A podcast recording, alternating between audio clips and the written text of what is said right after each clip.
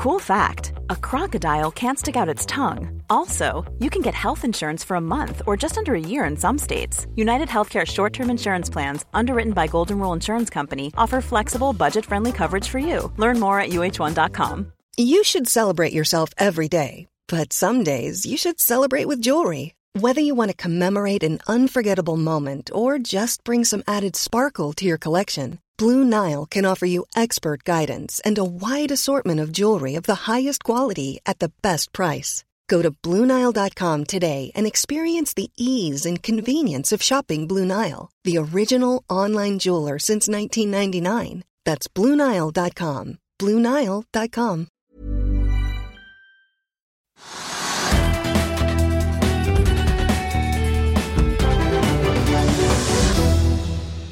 er eh, onsdag 24. august. Velkommen til Økonominyhetene på det som også er Ukrainas nasjonaldag. I dagens sending blir det mer om de økonomiske konsekvensene av krigen.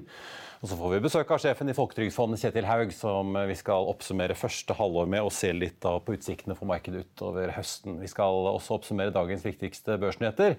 Og så får vi nevne at Equinor-aksjen har passert 400 kroner for første gang i historien i dag, og med en oppgang da på over 70 så langt i år, så er selskapet verdsatt til ganske vanvittige 1279 milliarder kroner. Da er det bare dansken igjen å slå, for ser vi på Novo Nordisk så ligger de inne på 1395. Men det er da danske milliarder kroner, altså nærmere 1800 milliarder norske. Det skal vi komme tilbake til litt senere. Det blir teknisk analyse av Equinor også litt eh, senere i sendingen. Hovedveksten starter ned i dag, men har etter hvert svingt seg litt oppover og ligger nå opp 0,2% og Dermed er vi også i pluss for uken. Nordsjøoljen er over 100 dollar igjen.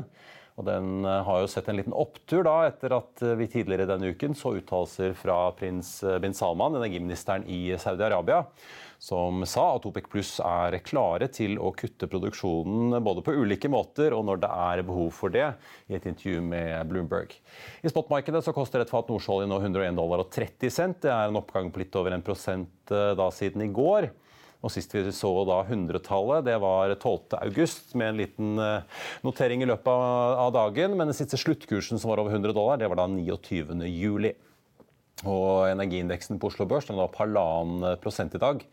Og opp da også 70 siden nyttår. Og på toppen av en eh, ganske så høy oljepris så har vi jo da også de vanvittig høye gassprisene, da særlig her i Europa. Rundt oss på kontinentet så er det grønt på børsen i dag, med unntak av Helsinki og Storbritannia. Og futuresene på Wall Street peker mot en ganske stabil og rolig åpning rundt null når det markedet åpner om en times tid. Dagens store taper er tankeaksjen Hunter, som er ned litt over 40% eller 1,45 kr, men det skyldes jo da at aksjen handles x utbytte på 1,50 kr så langt eh, i dag, altså fra i dag og utover. Oddfjell Drilling er opp 1,9% og det kommer etter meldingen om en ny kontrakt med Aker BP for Deepsea Stavanger på fem år. Og Ser man litt på verdiene, så tyder det på dagrater for denne riggen på mellom 340 og 400 000 dollar dagen. og Ifølge analytiker Kristoffer Modegi Pareto så er dette det beste man har sett i riggmarkedet i Nordsjøen siden 2013. Telenor er ned 0,6% i dag, og telekonsernet varsler store endringer i konsernledelsen nå under én måned før de avholder sin varslede kapitalmarkedsdag den 20.9. Det er jo knyttet spenning til hva Telenor vil si om fremtiden i Asia, nå som det pågår fusjoner i både Thailand og Malaysia, og kanskje eh, noe som er på trappene i Pakistan. Sigve Brekke har i hvert fall hintet om at de ser på hva de skal gjøre med virksomheten i landet. Samtidig som man da i Norden holder på med å skille ut infrastruktur til både mobiltårn og fiberlinjer i egne selskaper, der man kanskje skal få inn medieinvestorer, som vi har sett eh, konkurrenten Telia gjøre og frigi en god del eh, milliarder. Gitt dette bakteppet så tenkte jeg skulle peke på noen av de nyhetene i dagens melding fra Telenor som er verdt å merke seg. Det blir eh, en egen konserndirektør for infrastruktur, og der har Telenor hentet inn Jannicke Hilland, som vi jo kjenner som konsernsjef i BKK, eller selskapet som nå har døpt om seg selv til evig ny. I Asia er det fortsatt tidligere finansdirektør Jørgen Rostrup som har styringen, men Telenor påpeker at hans Asias kontor i Singapore skal styrkes for å videreutvikle virksomheten i Bangladesh og Pakistan, da, i tillegg til å følge opp disse to andre fusjonene som er i gang. Telenor Norge-sjef og tidligere Myanmar-sjef eh, Petter Børre Furberg han rykker nå opp til å bli Norden-sjef etter at finske Jukka Leinonen, som også ledet Telenors eh, virksomhet DNA i Finland, gikk av med pensjon i sommer. Inn i Norge så kommer leder for bedriftsmarkedet Birgitte Engebretsen og rykker opp og tar da plassen etter Furberg. Og så går Cecilie Høyk ut av konsernledelsen og blir HR-ansvarlig for Norden. Samtidig som Telenor har fått tak i Skipsteds Dan Octor Loney som leder for en ny virksomhet som Telenor kaller Adjacent Business. Panoro Energy meldte om et kraftig inntektsfall og faller en snaue 4% på børs i dag, mens Flex LNG varsler et svakt andre halvår og omsettes omtrent uforandret sammenlignet med gårsdagens kurs. Før vi går videre i sendingen, husk at du også kan se sendingene våre ved å gå inn på fano-tv, og at vi også har andre podkaster enn bare Økonominyhetene, som Morgenkaffen, Gründerpodkasten Veien hit, Ukens vintips, Kunstpraten og bilpodkasten Mil etter mil. De finner du ved å søke Finansavisen, der du hører på podkast. Sjømattall preger denne uken. I går kom jo Bakkafrost og Grieg. Sistnevnte meldte jo om et eh, rekordresultat, godt hjulpet av veldig gode laksepriser. Vi har sett spotpriser godt over hundrelappen. Og i dag kom det rekordresultat også fra Movi og rekordomsetning fra Lerøy. Og Austevoll har også kommet med sine tall, men rekorder til tross. Sjømatindeksen på Oslo Børs er ned rundt 2,5 i dag. Og er dermed inne med en oppgang da på snaue 8% for året. Movi startet eh, ned 4% har hentet seg litt inn, men fortsatt ned 3% så langt i dag. De melder altså om rekordtall, et utbytte på 2,30 kroner og 30 øre aksjen, tilsvarende 1,2 milliarder kroner. Det er opp fra utbyttet på 1,95 som de betalte i mai, men litt lavere enn det analytikerne hadde ventet. Og Bunnlinjen den økte fra 127 til 353 millioner euro. Movi gjør ingen endringer i utsiktene for i år og venter fortsatt et slaktevolum på 460 000 tonn laks. Lerøy også ned 3% Historisk høye laksepriser kan de melde om, og gode priser egentlig på all slags sjømat. Lerøy har jo en litt bredere virksomhet, og de hadde rekordomsetning. Men lakseoppdretteren tapte også stort på at de har en veldig høy kontraktsandel, der en del av kontraktene altså blir inngått på langt lavere priser enn det vi ser i markedet i dag. Eh, det var jo ventet et justert resultat på litt over en milliard, eh, men Lerøy leverte en økning fra 583 til 923 millioner. Og så tar eh, Lerøy da og melder om at de forventer et slaktevolum på 203 000 tonn da i inneværende år. Det er marginalt lavere enn de 208 som de ventet, varslet eh, tidligere. og Vi så også i går at Grieg kuttet noe i sin guiding. Verdt å merke seg, Lerøy venter altså økte kostnader nå utover høsten i tredje og fjerde kvartal. Merk at Movis finansdirektør Kristian Ellingsen mener at toppen for Movi nå er nådd allerede i Q2. Austevoll Seafood løftet inntektene sine, men har også gjort en avsetning på 211 millioner knyttet til disse søksmålene som har kommet i USA og Canada fra kunder der, i kjølvannet av at EU-kommisjonen driver undersøkelser av prisingen i laksebransjen og Austevoll-aksjen. Den er ned 2,5% vi skal snart få en dagens gjest, men først må vi til krigen. også, For på denne mildt sagt symbolske uavhengighetsdagen for Ukraina så har det altså gått et halvår siden Vladimir Putin slapp løs russiske krigsmaskineriet på landet. Innovasjonen sjokkerte mange og sendte allerede volatile og pressete råvare-, energi- og matmarkeder inn i en forverret krisesituasjon. Bloomberg har oppsummert krigens økonomiske konsekvenser for Russland, Europa og verden. Bare se her. Let's dig into the economic fallout in Russia, but also elsewhere that we've seen over the course of the past six months. Joining us now is Bloomberg's Lizzie Burden with analysis. Lizzie, good morning. So, what's been the economic impact on Russia? Let's start there. Uh, are the sanctions working? Uh, and if so, are they working in the way that was intended? Anna, even though we're six months in, it's almost impossible to tell, partly because the data coming out of Russia are almost certainly unreliable, more unreliable than before the war. And then on the other hand, this idea that sanctions are crippling the Russian economy does seem to be overstated. The Russian PMIs have bounced back since May. Chinese exports to Russia have rebounded. And even though the price of oil and gas has gone up uh, and volumes are down, value terms exports are up. So it's lining Putin's coffers. But the the the plus side, if you can put it that way, as Berenberg puts it, is that sanctions are a slow poison. So you've got the brain drain Russia's suffering.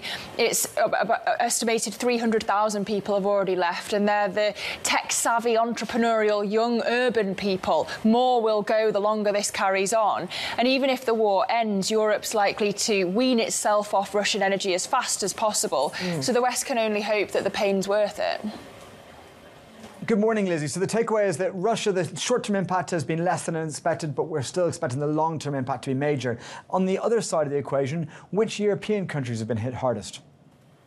Well, we have to acknowledge the cost to Ukraine. The IMF expects its GDP to be down 35% this year. Uh, Russia's blocked its access to the Black Sea, which was the artery for 80% of its exports. So while grain prices are soaring, they can't get out. They're stuck there. Uh, and factories are being used to house refugees, to make supplies for the fighters. Uh, and so production is stalling. Aside from Ukraine, no, Germany and its eastern neighbours are bearing the brunt of Russia cutting off energy supplies. Everyone in Europe scrambling to stock up for the winter, uh, which means that wholesale gas prices are up. The Belgian Prime Minister said on Monday that it could be 10 hard winters ahead. So you saw in the PMI data yesterday, we're expecting a recession in, Euro- in the Eurozone uh, and the UK. Uh, it seems that we're already in the early stages of that. So it's a headache for central bankers having to hike into recession. And it's also incredibly unstable for politicians. In the UK, we don't know how the next Prime Minister is going to handle this. And that's creating jitters in the market. Da skal vi over til eh, dagens gjest. Han leder eh, det vi på litt tabloid vis kan kalle sparegrisen som politikerne våre ikke ser ut til å røre som også da litt mer alvorlig sagt er en storforvalter i det norske og nordiske markedet, og som også merker uroen som har preget markedet i år. Velkommen til oss, Kjetil Haug, administrerende direktør i Folketrygdfondet. Tusen takk. Eh, nå har jo Nicolai Tangen i oljefondet kommet deg litt i forkjøpet og sluppet sin eh, rapport. Der forsvant det 1680 milliarder i første halvår. Det er jo noen voldsomme svingninger. Så har vi jo sett en, en børsrekyl ikke bare i utlandet, men eh, også i Norge da i, i juli. Men det gikk jo også litt verdier ut av Folketrygdfondet i uh, første halvår. Nesten 18 milliarder. Ja, det er 1% av NBIM, da. Ja.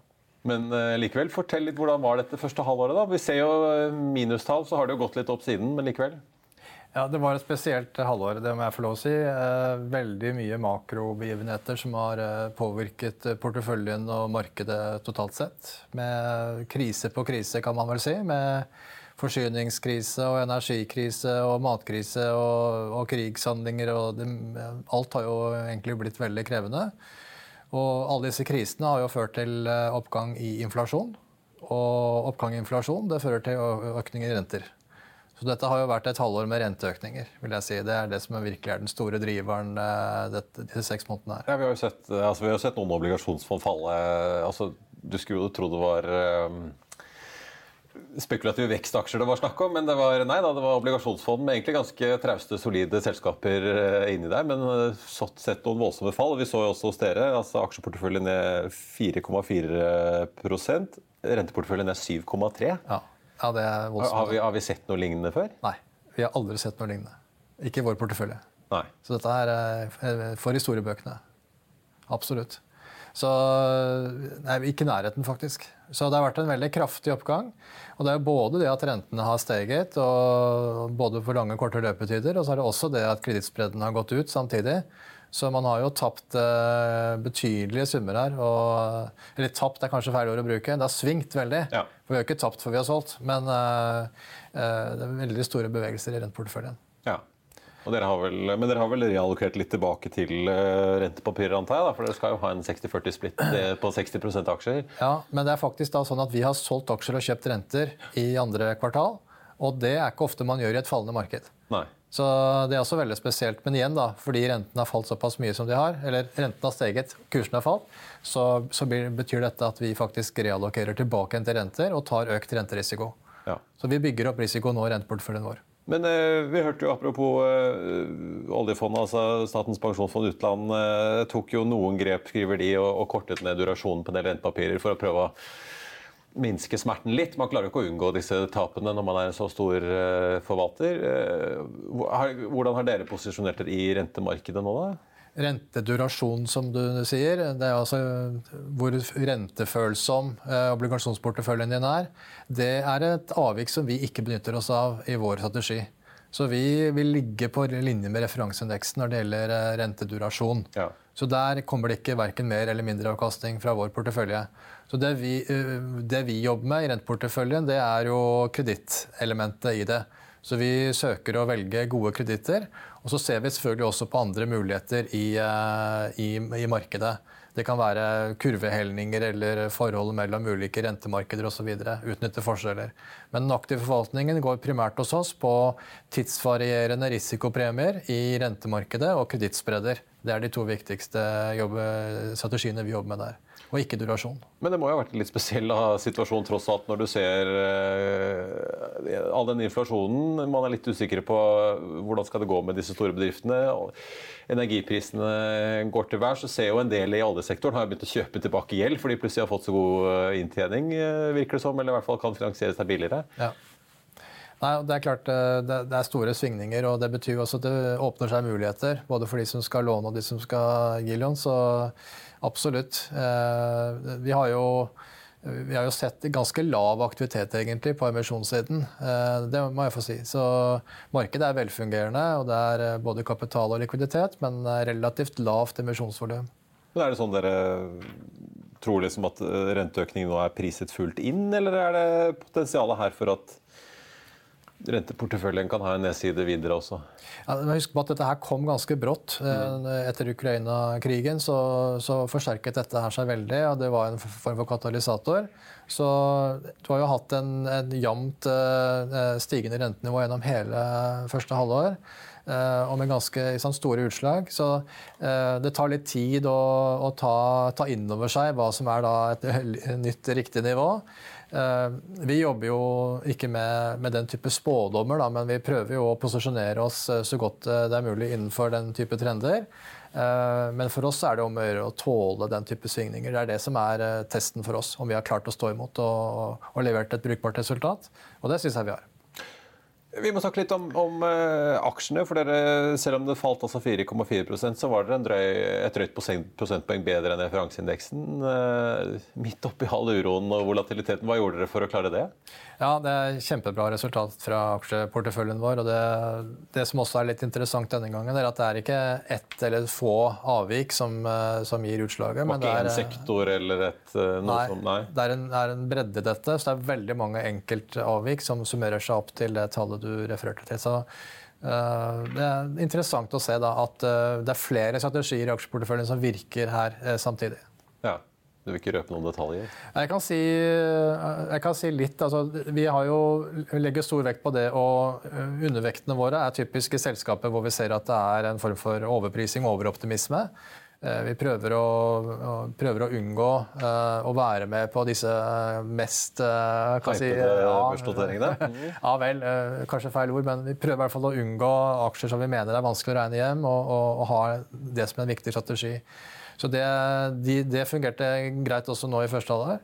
Og så har vi også det at vi, vi har noen langsiktige eh, selskaper eller posisjoner hvor vi ligger i overvekt i det vi liker å kalle for kvalitetsselskaper som er et litt vagt begrep, men allikevel for oss er det, er, det, er det, et klarere begrep, hva vi mener med det. i hvert fall. Og det også er en strategi som har gitt oss uh, veldig god uttelling nå i første halvår. Dere er jo selvfølgelig helt åpenbart, altså dere sitter jo, En ting er jo 60-40 aksjer. Dere sitter jo 85% i Norge, 15 eh, nordisk. Så vet jeg jo dere ønsker å øke den, eh, i hvert fall muligheten til å øke den nordiske delen litt. Gitt denne norske eksponeringen, så er det selvfølgelig da, så er det jo energisektoren som er den største sektoren hos dere, har jeg sett i tabellene. Mm. Uh, men dere har jo også fått inn Novo Nordisk, da, som uh, jeg nevnte på innledningen her, Nordens mest verdifulle selskap, har kommet inn på uh, topp ti. Ja. Kan du si litt om hvordan dere posisjonerer dere fremover? da? Nå er det jo, spekuleres det jo veldig om disse energiaksjene bare vil gå videre, eller om toppen er nådd for lengst. om teknologi- og vekstaksjene kanskje endelig har nådd bunnen. Mm. Hva tror dere? Altså husk at i, i, det vi har sett nå i første halvår, var store svingninger internt i aksjemarkedet. Så energisektoren fikk seg et veldig kraftig løft, og tilsvarende nedgang for vekstaksjer. Så Oslo Børs er jo energitung fortsatt. Og det har jo Oslo Børs nytt veldig godt av. Så med vår portefølje, 85 i Norge, så er det klart vi har gjort det veldig bra relativt bredere internasjonale fond. Eh, så det er liksom verdt å ha med seg at nå har Oslo virkelig skint. Da, ikke sant? Side, ja. Ja. For det har ikke alltid vært sånn. De siste årene så har egentlig Oslo legget litt bak. Så vi har ikke hatt den samme utviklingen som eh, vi har sett eh, i våre nordiske naboer, som vi følger godt. Og som du nevnte Novo Nordisk, som er et utrolig flott selskap. må jeg få lov å si, Men, men, men vi har ikke fått fram like mange vinnere som i øvrige nordiske land. Men det er klart når vi får denne energioppgangen, så vil Oslo Børs gjøre det veldig bra. Eh, og Så får vi se fremover. Men, eh, men, eh, det at vi er energitunge, det må vi jo bare leve med og akseptere her i Norge. Men betyr, ja, men betyr, det at det er en ganske stor nedside, gitt at dere har fått såpass mye drahjelp fra særlig Equinor, da, som utgjør vel 20 av aksjeporteføljen din? Ja, det er klart at vi vår portefølje vil være veldig påvirket av hva som skjer på Oslo Børs. ikke sant? Og, og, og denne igjen vil være eh, påvirket av hva som skjer med, med inntjeningen for energiselskapene. Mm. Så det er en sammenheng der som eh, vi må leve med. Ja. Jeg ser sånn som Tomra inne på topp 10-listen. Det er jo en ganske skadeskutt aksje. Ja da. Nei, vi, har, eh, vi, er, vi, er, en stor forvalter og har posisjoner i veldig mange selskaper. Og jeg, jeg må jo si, jeg, jeg kunne jo godt tenke meg og har hatt, uh, hatt, en enda bredere sektorsammensetning på Oslo Børs. Mm. Og eh, det, er gjort, uh, det er kommet veldig mye spennende selskaper opp uh, de siste årene. mangler kanskje det siste lille for virkelig å få en, en god sektorspredning. Eh, men eh, vi satser på at det kommer, og at eh, vi vet at det er en pipeline også på, på nye selskaper. og Det er bra for oss. Da har vi flere investeringsvalg og, og, kan investere i flere kvalitetsselskaper. Ja, for Dere får jo mange som banker på døren, det vet vi jo selvfølgelig når det er transaksjoner på gang. Men vi har jo sett noen, det har kommet noen oppkjøpstilbud på en del av disse små selskapene i det siste. Vi har sett noen enten eh, søke eller allerede har begynt flyttingen over til uh, hovedlisten. Uh, da vi snakket i Arendal, så var vi litt inne på at det skjer kanskje litt sånn ryddejobb etter alle de rusha noteringer som var inn fra, fra Euronex Growth. Men, men ser dere noe sånn tidspunkt for når vi vil begynne å se at det kommer en god del noteringer igjen og ting vil normalisere seg, eller er folk fortsatt litt avventende, apropos Ukraina, på hva de skal gjøre? Ja, det er nok naturlig at eh, markedet er litt avventende nå. Men eh, jeg hører noen snakke om, ikke alle, men noen sier at eh, vinduet er lukket, sier man. Ja, mm. Underforstått at nå er prisene lave og markedet er litt vanskelig å plassere nye selskaper i. Men jeg vil jo si at det er, det er jeg helt uenig i. Altså, det er alltid et bra tidspunkt og hvis man skal ha med seg kvalitetsinvestorer over tid, så er det jo fint det, å komme når prisene er lave. får man jo en fin reise som investor. Eh, jeg tror, eh, så vidt jeg skjønner også Oslo Børs, så er det en bra pipeline. Det er selskaper som kommer på børs og som ser at markedet er velfungerende. Vi har ikke den euforien som vi hadde i 2020, men det tenker jeg er bra. Mm. Eh, det er et mye sunnere marked. Eh, la investorene få god tid på å se på casene. Vær godt forberedt. Still med, still med god uh, governance og god compliance, så blir dette veldig mye bedre enn når man skal rushe gjennom med, med powerpoint-presentasjonsselskaper og, og, bruke liten tid. Ja. Så det er en veldig klar oppfordring. Ja, for det, er ikke, liksom, det er ikke noe kapitalmangel hvis du kommer med noe, kommer med noe som faktisk er attraktivt og interessant? Nei, jeg tror eh, mange kunne godt, eh, synes jeg, tenkt godt gjennom altså, hvilke investorer er det vi ønsker å ha med. Hvis du vil ha en institusjonsinvestor med deg, så må du bruke litt ekstra tid. Og du må forankre en del ting som kanskje du kan hoppe over bukk over hvis du har eh, mer kortsiktige investorer med deg. Men jeg tror du får betalt godt for det i det lange løp ved å bygge opp en, en god investorbase. Ja. Da har du også tilgang på kapital i et helt annet omfang på sikt. Er det, men er det, altså vi vet jo, det er jo mange som har vært ute offentlig og sagt om at de vurderer å gå på børs, men er det mange som er i dialog med dere direkte også for å sondere terrenget, eller går det mest via meglerhusene? Ja, det, er, det er vel litt uh, forskjellig, men vi har kontakt med, selvfølgelig med meglerhusene løpende. Og, og, vi tar gjerne også møter med selskapene. Det, gjør vi veldig gjerne. og Vi lærer dem å kjenne, og de kan lære oss å kjenne. Og se om det er en god match. Det er bare en fordel. Men meglerhusene fungerer jo som en uh, mellommann her, så det, det er en rolle de har. På tampen må jeg spørre deg litt sånn strukturelle ting. Eh, nå var dere da på 315 milliarder eh, per 30. juni. Og dere har ønsket å kunne gå litt lenger ut, men eh, er det et i det hele tatt spørsmål hos dere at dere kanskje må forberede dere på at politikerne vil ta litt penger ut etter hvert, eller er det helt på en måte uaktuelt, eller er det på en måte ikke realistisk at det uh, vil kunne skje med det første? Dette er jo politikerne som bestemmer, som du sier. Så, så det er nesten de du må spørre. Vi, vi får bare utføre Jeg skjønner om uttaket, men er det sånn, har dere forberedt dere på det? Med at jo, dere har jo holdt på å si, siden tidenes morgen omtrent uh, ikke hatt et eneste uttak? Nei, vi har, aldri, vi har ikke hatt uttak fra fondet. Mm. Uh, så det er bare penger inn og ikke penger ut. Og det er jo sånn at Folketrygdfondet har jo levd i en i en, si, en situasjon hvor, eh, hvor, man ikke har helt avklart uh, hva passiva-siden er, og hva pengene skal brukes til. Og Oljefondet har sin handlingsregel, vi har ikke en tilsvarende handlingsregel. Så, så det, det, gjenstår jo. Mm. Og, så tror jeg Folketrygdfondet har, eh, har, hatt og har en rolle som et bufferfond og som en del av Statens pensjonsfond. Det er en overføring av midler fra nå, nåværende til framtidige generasjoner. Det er en meningsfull jobb. Uh, og så akkurat når det skal brukes, det får politikerne finne ut når tiden er inne. Så, men jeg tenker jo at disse pengene investerer vi langsiktig. Uh, vi har fått en, en, utrolig utvikling i fondet som følge av at pengene er reinvestert. Det må man tenke på at rentes renteeffekten er helt formidabel. Det at du reinvesterer avkastningen hele tiden og ikke tar penger ut, det gjør dette til en fantastisk eh, sparebøsse. Og så må man passe på at investeringsuniverset er tilpasset størrelsen, slik at ikke man eh, blir for stor mm. i et eh, begrenset marked. Nå ser vi da heldigvis at Oslo Børs vokser og blir litt større. Det kommer nye selskaper. Da blir det lettere for oss å gjøre jobben. Alternativt må vi få, få et litt større dansegulv. Ja, ikke sant. Og så har dere jo dette, Under korona så fikk dere jo tildelt oppgaven med å forvalte dette Statens obligasjonsfond, eh, som det vel heter, på 50 milliarder. Så 7,6 av de er fortsatt investert. Hva er egentlig planen der nå? Skal det bare avvikles, eller? Du, Det igjen er opp til departementet og politikerne å bestemme hva som skjer med det. Det var et beredskapsfond som ble satt opp i forbindelse med pandemien. For å kunne gi, altså, delta i obligasjonslån hos bedrifter som trenger ja, finansiering? Ja. Helt riktig. og Det gjorde vi da til en viss grad. Men eh, det, det som også var spesielt med pandemien, var at den, eh, den krisen som var i kredittmarkedet, var veldig kortvarig. Så det var bare noen få uker hvor det markedet var litt dysfunksjonelt, og så kom det egentlig ganske greit på plass igjen. Så vi har ikke sysselsatt så mye av de 50 milliardene som det kunne teoretisk vært behov for. Eh, men nå gjør vi veldig lite med det fondet. Det ligger der, fortsatt et beredskapsfond. Eh, og sånn som det er satt opp, med den lovgivningen som er rundt fondet, så vil det fortsette å være et beredskapsfond. Ja, så Men innskuddet, det med det første? Kapitalinnskuddet styrer politikerne. Og de kan når som helst be oss om å, om å lage en avviklingsplan for fondet. Men det har ikke kommet ennå? Det har ikke kommet. Nei. Kjetil Haug i Folketrygdfondet, takk skal du ha. Det blir jo en uh, spennende høst. Får vi se hvor mye Fed og de andre sentralbankene klinker til. Absolutt. Takk skal du ha. På tampen av sendingen skal vi ta en liten eh, titt på uh, markedet. Hovedveksten på Oslo Børs opp 0,11 nå til 1279, så vi holder oss fortsatt så vidt over plusskillet. Nordsjøoljen på 100 dollar og 50 cent, opp en halv eh, prosent. Dermed ser det ut til at uttalelsene fra Saudi-Arabia fortsatt eh, holder eh, trykket oppe på råvareprisene.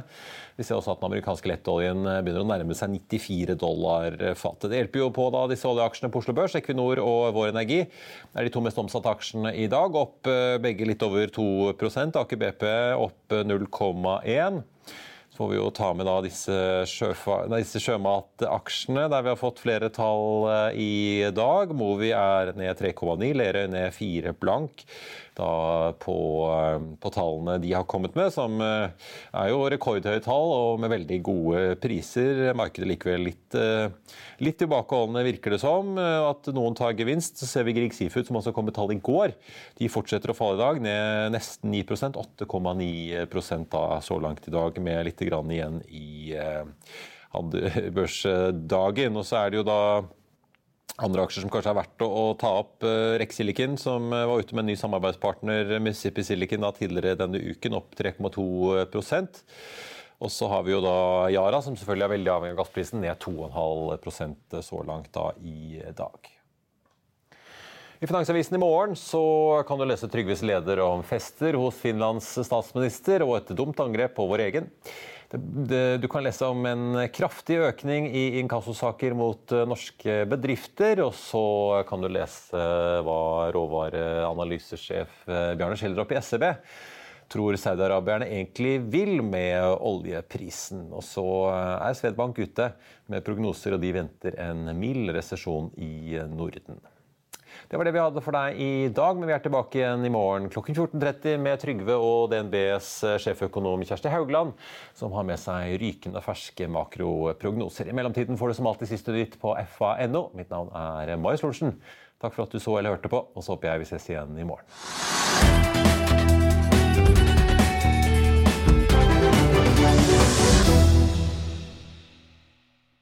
Økonominyhetene er en podkast fra Finansavisen. Programledere er Marius Lorentzen, Stein Ove Haugen og Benedikte Storm Bamvik. Produsenter er Lars Brenden Skram og Bashar Johar.